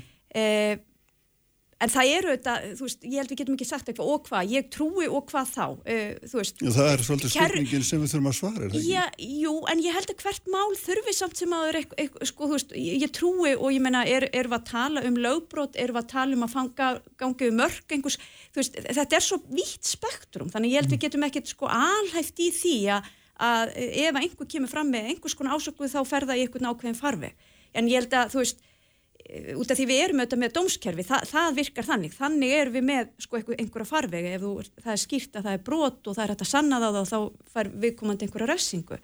En þessi málaflokkur er svo erfiður, þess vegna er svo mikilvægt að, að samfélagið það geta svolítið upp og ég dáist að þeim sem að hafa stíið fram og mhm. sagt sína sögu. Og það var nota orðið hérna áðan að þú veist hún hefði rauninni verið neitt til þess og valdar ójabæði sem eru auðvitað gríðarlegt. Og horfi bara á aldur uh, og, og svona stöð í samfélaginu. En það, má, það er þá hægt að segja að kannski þessi, þessi bilding hafi líka snúið völdunum svolítið við. Að eh, hún með því að þóra að koma og stíga fram og lýsa reyn, sinni reynslu hún er komið með völdin til sín. Já, já, það er alveg rétt og, og hérna augljóslega hefur þessi svona bylting á fjölmjölamarkaði náttúrulega gert þetta mögulegt mm -hmm. svona mál hefði aldrei farið í gegnum ríkisútvarfið held ég eða mokkan eða eitthvað fyrir 20 árum og náttúrulega ekkert langt síðan að svona mál sko, taland um útilokuna menninguna það er ekkert langt síðan að það voru þólendunni sem voru útilokaðir mm -hmm. munum bara eftir dæmin á Húsavík þar sem var safnað undirskriftum gegn þólanda mm. í máli sem á endanum var sko dæmt í hæstarétti uh, og það eru bara 20 ár síðan Já. þannig að sko þegar við höfum ágræði hvort gerendur eigi afturkvæmt inn í fyrri mm. störf mm. þá held ég ættum fyrst að skoða það sko, hvernig við getum náðu utanum þólendur og fólki sem er að berjast fyrir umbútum í þessu kerfi að því að mm. þeim hópi þar ekki sko rosaleg útlökunum menning mm. En mér aðeins afturandur sem mér finnst það svo áhugavert að hérna, það sem þú varst að nefna með hvaða þýðir að trúa þólanda því þetta er alveg líkil spurning eða líkil, já, þetta er líkil málefni hvað þýðir það sko og, og hérna að því að maður getur auðvitað bara sagt þetta eins og einhverja möndri að ég trúi þér mm -hmm. en, en ætla, og hvaða, hvaða afleðingar hefur það? En það, en það er með eins og Bryndi segir, sko, af hverju ætti einhver að vera að ljúa upp á sig að vera þóra? Nei, nei, ég er ekki aldrei fram að sé neina því, sko. En, en, það, þetta snýst bara um það, mm. að, að sko, og, og ef við bætum ofan á það að saga eins og Vítalíja segir hana er bara ofbúslega sannfærandi að þá er ekkert mál að bara fara í gegnum allt sem hún segir og, og segja bara, heyrðu, þetta gerðist og ef þetta gerðist, þá höfðu það til dæmis þær afleðingar að ef þú ert eigandi eða stjórnandi í fyrirtæki þar sem að einn af gaurunum í pot pottapartíinu er eitthvað millistjórnandi þá hefur fulla ástæði til að efast um domgreint hans til að stýra fyrirtækinu þínu á 21. veldinni. Mm -hmm. Þetta er ekki maður sem að sko er fær um að, að móta samfélagslega ábyrga stefnu hjá, hjá Elko eða hvaða er sem að, hérna, eittir eh, að gerði uh, og það er alveg hægt að selja skýr til útlanda án þess að einhver maður sem að er að hérna, áreita konur í heitapotti mm. sé þar við stýrið. Veist, þetta er ekki ómistandi menn og það þarf ekki dómskerfi til að segja fólki það. Það þarf bara þess að frásög sem sko það, það sem bara dreyin upp skýrmynd af mönnum sem síndu stórkoslegan dómgrendaprest ofan á allt annað og auðvitað hefur það áhrif. Þetta, þetta hefur áhrif á það hvernig þeir geta virkað sem starfsmenn. Mm -hmm. uh, og síðan er bara allt annað mál hvaða leið þetta ratar inn í dómskerfunu. Og það er engin sko, stóri dómur um það hvaða afleðingar þetta á að hafa fyrir fólk. Við, ég með það er fullt, fullt af dóti sem við gerum í lífinu sem hefur miklar afleðingar fyrir okkur án þess að það hefur nokkuð með domstólega að gera. Mm. Og það, það, þannig bara virkar samfélagið. Or, orðsporið okkar byggist já, upp á já, því já. sem við gerum alveg óháði hvort ekki dómari segja eitthvað um mm, Þannig að saklusun sektu sönnuð finnst þér ekki skiptarinn um málið þessu, þessu samhengi. Uh, Það er eiginlega ekki spurningin. Sko, tökum til dæmis hérna, Lóa Bergmann sem að hérna, sett út yfirlýsingu sem byrjar á orðunum ég er saklus mm -hmm. uh, Nei, ég, ég get ekki ég get ekki tekið undir það. En það er ekki þar með sagt að ég sé að sé segur í einhverju sko hegningalega broti en ég menn aldrei skrifa upp á hansi saklust af því að sko sagan segir bara annað mm -hmm. sem Ítalija lýsir segir annað mm. en þar með á fólki ekki alltaf að gagn álíkta að ég sé að setja mig eitthvað sko ákjæruvalds hérna, hlutverk og segja, heyrðu þá bara henda kallinum í fangelsi mm -hmm. Þa, það, það er allt annað mm. hann er segur um að hafa gert eitthvað af sér og þar með ekki saklaus en, en sko ekki endilega í þú veist, ég, ég hef ekki eins og skoða hva, hva, hvaða, hvaða hægningalega brot getur átt við, það ég bara veist, mér finnst ekki skipta máli Þetta er óljós frásögnar sem mínum að en, en það nú sama hérna sko, hvað hva með svona, þú veist, þróun síðan hérna bara, um, sko, bara þessa almennu umræðu? Gríðarlega dómharka hérna, miskunarleysi í allar áttir ég minna, bæði garðólandar sem að, og, og líka í þetta verður einhvern stjórnlaus svona óskapnaður. Það er það sem samfélagsmiðlar gera uh, eins góðir og þeir eru til að veita uh, þólendum rött til að segja frá sinni reynslu. Þá er baklegin auðvitað svo að uh, þarna kemur fólk sem að dæmir alveg gríðarlega mikið og ekki síður og ekki síst þólendur þegar þeir uh, stíga fram. Til dæmis sko uh, mátti sjá einhver svona leiðinda komment um að út af því að hún var að halda við giftanmann, allt í hennu var það og eru þessu fókuspunktar mm -hmm. í uh, kommentakerfum sem kemur þessum málum bara ekkert við það er bara allt önnur umræða og bara ekki einu sinni, mér finnst það ekki eins og svaravert en sko þarna og það getur verið mjög erfitt fyrir þólendur að þurfa að sitja undir þessu og eftir að hafa komið fram. Uh, svo auðvitað er það sama með sko, eh, gerendur þá sko, drullan á samfélagsmiðlum orðað þannig. Mm. Uh, þetta verður kannski ekki droslega uppbyggjandi umræða uh, svona ef ég á að segja alveg svo er. Nei, nei. En ég held við ættum samt alveg að geta tekið hana. Mér finnst það bara alls ekki útilokað og eins og við höfum gert, við sjáum bara þróunina frá því 2017 Uh, ég veit að að þessu er kannski ekki að tala um bylgjur en ég held að við hefum tekið svona þroskaskref Vi, vi, vi, Við höfum verið í bylgjum ég ætla ekki, ekki að gera lítið úr því en við þurfum að líta á þetta sem viðverðandi ástand núna til Já. þess að ná breytingunum í gegn Út af þetta hefur þannig, við tökum tvö skref áfram eitt skref aftur og bakk, mm -hmm. það er bara þannig mm -hmm. að þegar við höldum að séum komin á ákveðin stað í þá þessu mm -hmm. MeToo málefnum uh, málefnum með varða kynferðsópaldi áreitni uh, þá gerist alltaf eitthvað og við sjáum að ah, nei, við erum ekki alveg komin á náttúrulega stað sem við heldum og þetta eru bara svona þessi þroska skref sem við erum að taka. Og núna viðtalið uh, við þessu ungu konu í síðustu viku var eitt slíkt skref. Og ég vona bara að við getum haldið áfram að eiga sagt, uppbyggjandi umræður þá mm. um þetta málefni áfram. Og þólenda vænar umræður líka. Mm -hmm. En það er alltaf líka sko slettist einhvern veginn svona auðrin í allar áttir og hann slettist til dæmis mjög mikið á sjálfstæðisflokkin því að Ari Edvald var nú hérna, aðstofamaður á þeirra og í frambóði minnst veist, reynda að komast í frambóði eitthvað tíman og hérna og var náttúrulega fórsvarsmaður í, var hann ekki frangandastöri samtaka aðunreikanda eða hvað hann hétt á sínum tíma mm. og svona bara mjög sterk aðunreikanda tengst sem eru líka tengst inn í hægri mennskuna, menn hvernig horfir þetta við þér? Ég finnst bara að þegar við erum að tala um sko þennan málaflokk og einhvern veginn alltaf fara að mála það upp í einhverja sko flokkslínur finnst mm. mér náttúrulega algjörlega galið og auðvitað hefur maður talandu um samfélagsmiðla sko lesið ímislegt sko þú veist í tengslu við umröðir hérna í gegnum tíðina þar sem að sko flokkur er minna og einhvern veginn að standa fyrir kynferðsafbrót og ég veit ekki batnaníð og eitthvað svona þú veist fólk leifir sér náttúrulega svo mikla vittleis á samfélagsmiðlum að það halva væri nóg þannig að mér finnst þetta bara þetta, snýst ekki um sko einhverja pólitíku, þetta snýst ekki um einhverja flokka mm -hmm. Uh, en skýpturinn er þarna samt og hún er með dreift alveg hygglust og loður hann við? Já, ég vona ekki. Mér finnst allavega það er þá til þess að gera í rauninni lítið úr málinu sem slík. Ef að, þú veist, þetta er risastórt samfélagsmál og við erum í þroskastegi, kannski bara mjög gott að við erum svona sem samfélag að þroskast. Hvernig við ætlum að taka á þessu og hvernig við ætlum að segja nei við kynferðislu áreiti og ofbeldi, bara mm. það er eitthvað sem við ætlum ekki að líða. Þannig að ef að við förum á sama tíma að taka eh, svona stór og mikilvæg samfélagsmál og setja þau upp einhverja flokkslínur og nota þau sem einhvert skýta á einhverja ákveðna stjórnmálaflokka, þá held ég við sem að í rauninni eigðilegja svolítið þetta þroska skref sem við ætlum að taka sem samfélag. Þannig að, en jú, það er alveg rétt, fólk reynir það og það eru einhverju sem hafa reynd að setja það einhvern veginn þannig upp, en ég, ég, ég held að ef að við viljum raunverulega sem samfélag gera einhverja breytingar og takast á við þetta, þessa meinsemt að þá getum við ekki lift okkur að fara í einhverja, einhverja flokkslínur með það.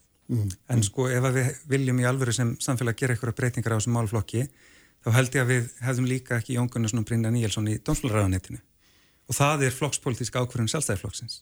Mm -hmm. uh, og það, býtu, það, það verður staðan Andris, hvernig ætlar að tengja þessi mál hérna við Jón Gunnarsson og Brynjar Níulsson sem aðstofmenn Br Brynjar er eitthvað helsti talsmaðist til dæmis að gera engar breytingar á sönnafæslu í kemflisbrótamálum hann hefur lagt fram ítrekkað uh, mál um að henda maðurum í fangelsi ef að þær gera sekar um það sem að hérna, er stundum kallað tálmun þegar þær eru að verja mm -hmm. Börn, til dæmis ofbeldi basfæra sinna?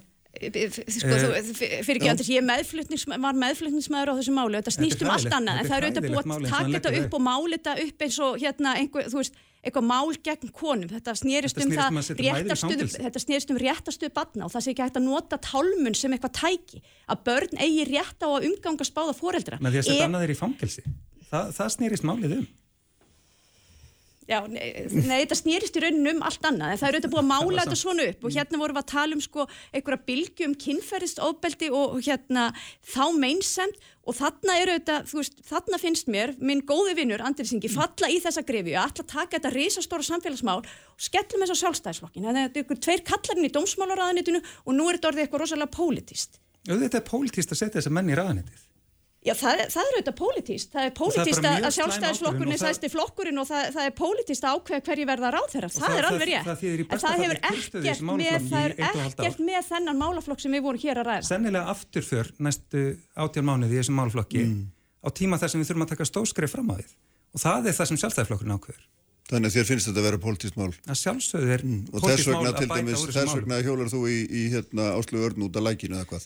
Þessu fræga lækin ég hjó, hjólaði nokkið mikið í hana ég bara, ja, okay, hérna, skal, mér, mér fannst aðtíklisvægt þú gerir aðtu að sendu í það, já já, því að það eru þetta lesið í eitthvað sem aldafólk gerir á samfélagsmeilum það, það er lesið, þú last í það, er það ekki? já, svona eins og hún last í það þegar undirmaðurinnar lækaði mm. hérna fæstlu í september og mm. gaggrindi það ofinbelja hún gaggrindi var að Ríki Saksson har að fyrir að læka fæstlu sem að henni fannst geta kasta rýrð á tröst og trú almennings til starfa hans mm -hmm.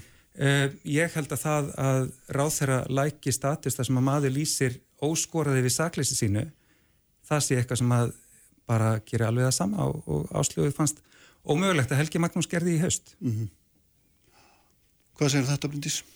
Ég, menna, ég held að áslögarna hafi gert mistök með að læka þessa fæslu eins og hún hefur sjálf sagt, hún Já. þarf að vanda sér betur uh, og það, það, þetta var ekki gott uh, en Eh, og, og þá kannski, við vorum aðeins að ræða þetta fram með hann, sko, hvað þýða þessi læk á samfélagsmeilum, það er svo næsta umræða sko, hún má kannski ekki taka ljósið af hinnu stóra málinu sko, þannig að þetta má ekki fara að snúast um það hver setti læka á, á hvað sko, en það er einhvað síðan mjög áhugaverð umræða hvað þýða læk á samfélagsmeilum mm -hmm. og kannski fyrir okkur í mitt í pólitíkinni að við þurfum að vanda okkur greinlega betur, ég hef sjálflendi því að vera með tinn vanhæfi í þessu fara klustusmáli vegna þess að ég hafi sett læk á einhverja fæslu eftir að Lilja Alfredsdóttir mætti í Kastljóð sko.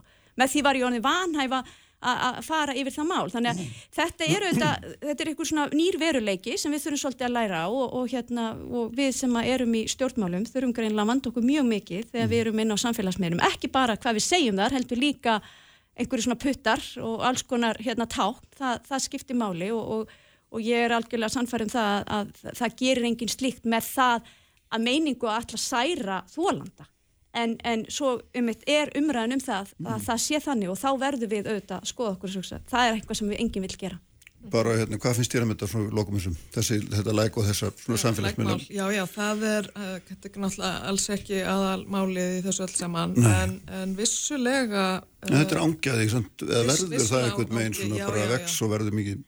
Ég er algjörlega sammála breyndi sig að, að fólk ver, í stjórnmálum og í valdastöðum og svona ákveðin stöðum í samfélaginu verður náttúrulega að vanda sig hvernig það hagar sér á samfélagsmiðlum, bara engi spurning. Því að það er uh, erfitt fyrir þólendur að sko og ég efast ekki um það að uh, bara ekki bara þólandin í þessu tilfelli heldur bara þólendur uh, margir á Íslandi upplifi þetta með svona triggerandi og erfitt að sjá fyrirhandi dómsmálaræðara mm. sagt, læka við þessa eh, líka við þessa færslu. Og í rauninni hérna svona ákveðin domgrenda brestur í henni og smá svona skrítið að hún hafi ekkert pælt í þessu áður með að hvernig stöðu hún er. Mm.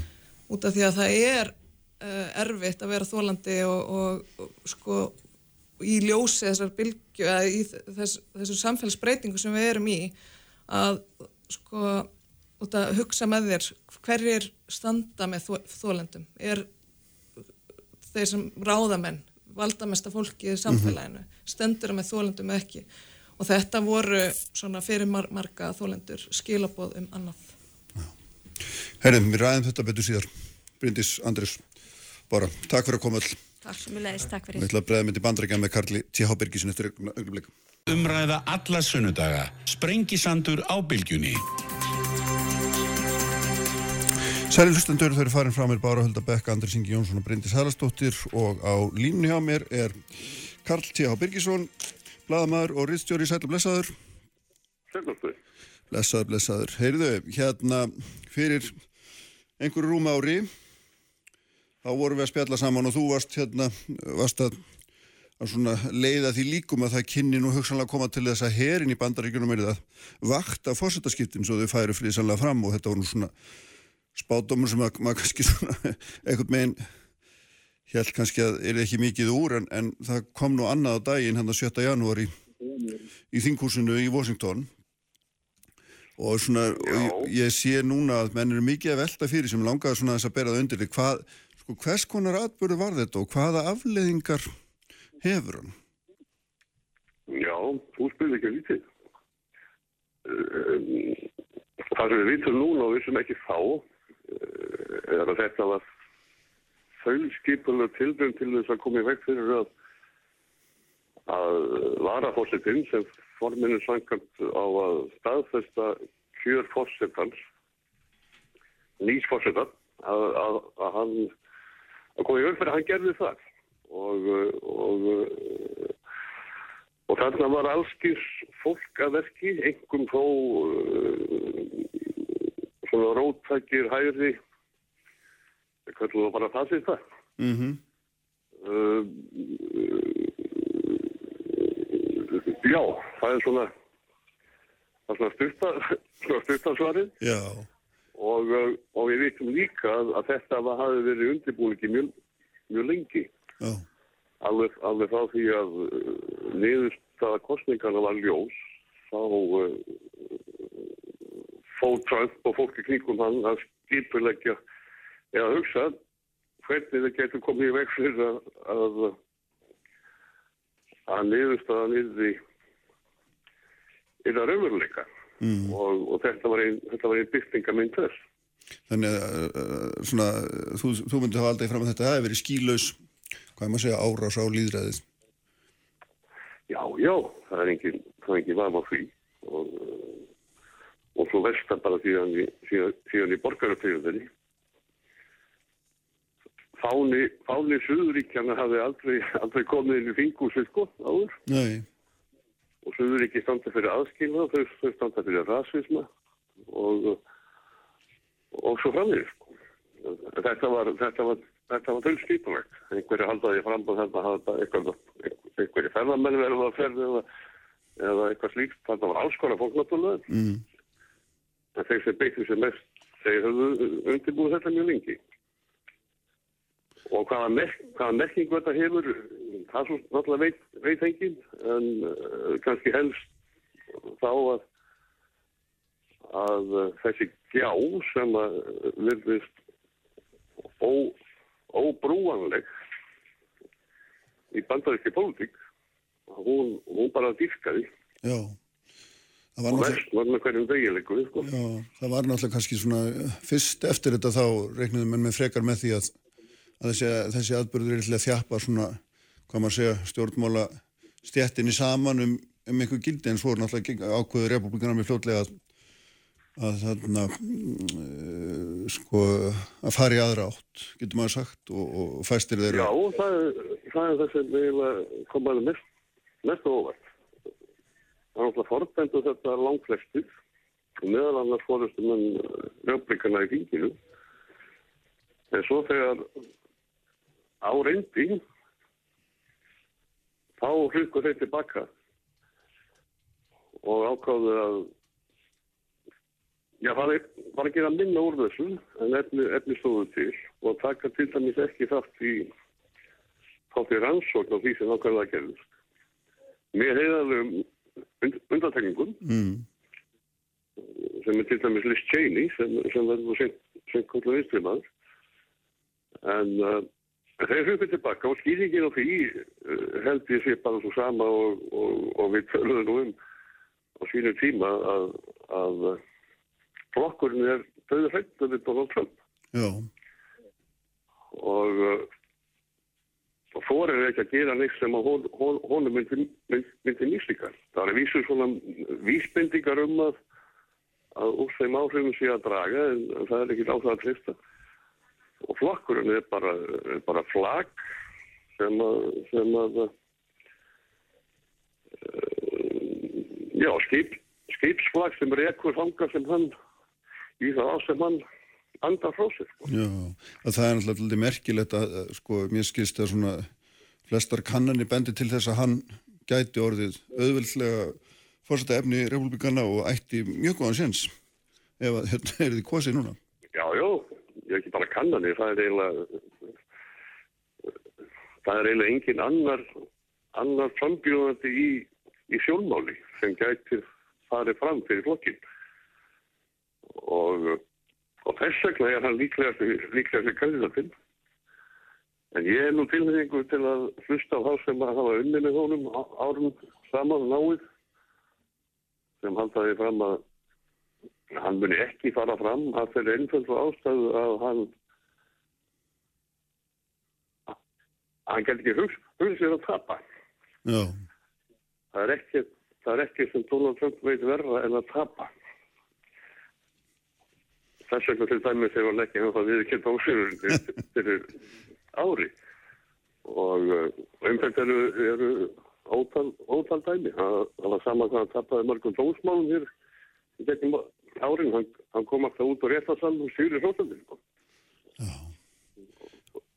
og uh, þetta snýst bara um það snýst um sálarlíf hans sko. og uh, að því að bólitík er ekki hafðið hún er aðalega samsvið en uh, að ég var nú að hlusta á ykkur áðan og tala um, tala um málum fyrir dag hérna á Íslandi þá uh,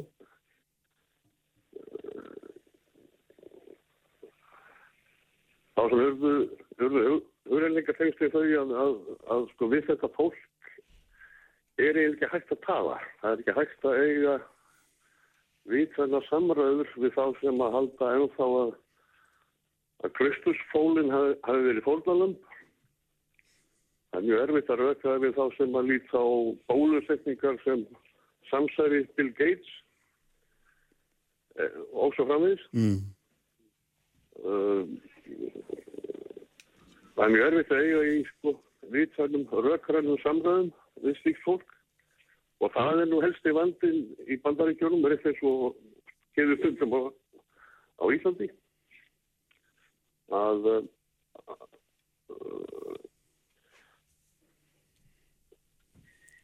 að svona gjá er ekki hægt að brúa með samtali. Já. Og í því likur hættan. Já. Þegar samtali duðar ekki lengur, þá verður það grípað til annar ráða. Mm.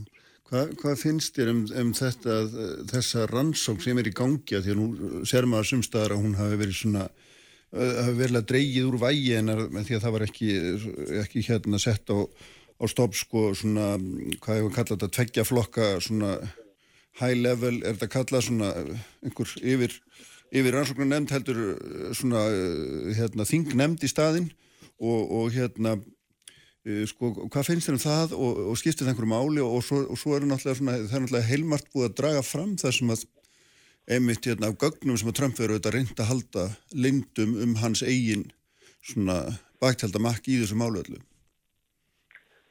Já, þessi ansók er mikilvæg og hún er að vísu, sko, republikanar ákvaðu að tilnefna enga í þessa, þessa hérna rannsóknum tingsins. Uh, með þessari undatengu sem nefndi áðan sem er, mm. sem er, sem er Liz Cheney. Og þetta er mjög mikilvægt starf. Og þarna hefur fjölmark komið fram sem annars hefði ekki verið dreigið frem í dagslösu og þess er ekki lokið.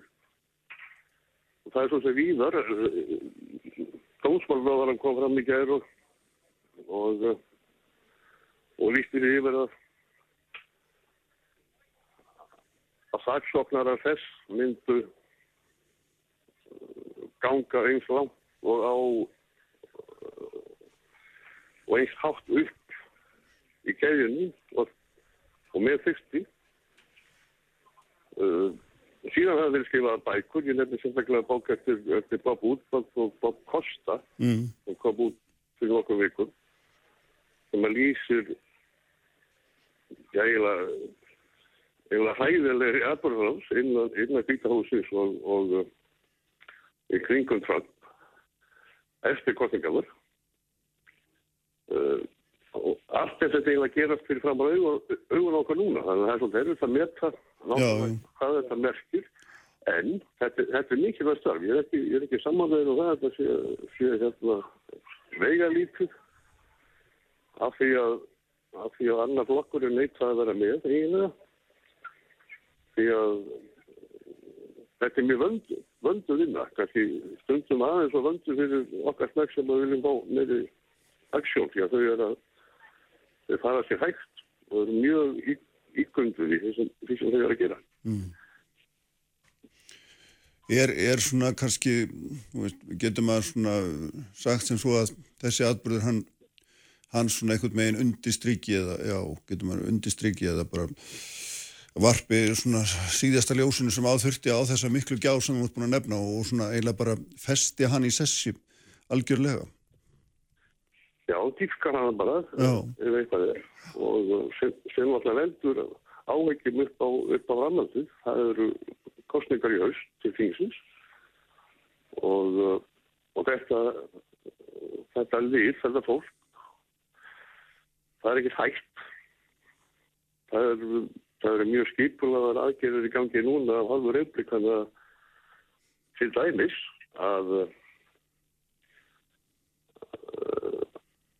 að breyta lögum þannig í fylgjónum að fólki sé gert erfiðara með að kjósa og í sömu fylgjum er til það sem heitir electoral judge sem er eiginlega svona sem er svona kjörstjórn á íslenska vísu Já. og þeir eru kostnið sjúkstæðar það er, skip, er skipulega verið að verið að koma flokksmönnum í þær stöður því að það eru þeir sem að síðan á endanum taka sér hlutverk yngan tryggvarsvon og, og, og telja alltaf. Já, já, akkurat.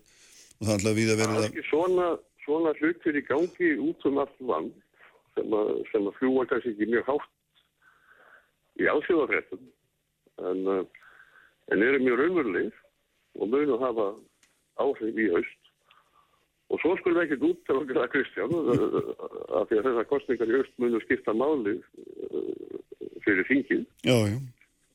Að fólk gríti aftur til sömu aðgerða og fyrir ári. Og það að einhver upplýst að við místekist þá, því er ekki að hún muni místekist næst. Þegar fólk var læst, það var læst að reynslunni. Það, hérna, við skulum hérna leifa þess að vera lokvarðum við, hérna ég veit að þetta er, að þetta er ekki falleg. Falleg framtíða síðan en, hérna, en þetta er raunverðu umöðuleiki og um þetta tala fólk. Já, já, akkurat, við, sjá, við sjáum hvað setur og hérna kannski heyristu eittir ár og, og þarna og förum heyra það líka Takk fyrir þetta, hérna, Karl T.H. gafan að heyri þér Já, takk, bless og hérna við verðum að láta Sprengisendurum lokið þennan nýjunda dag janúða mánuðar og Davíð Haldursson var auðvitað takk honum eins og hann er alltaf og allt efni um að finna á bilgjum.is og vísi.is og svo hvarvetna það sem þið finnir. Hlaðvörnbyrn ykkar svo ætlum við að vera með ykkur hér aftur eftir. Viku, verið sæl.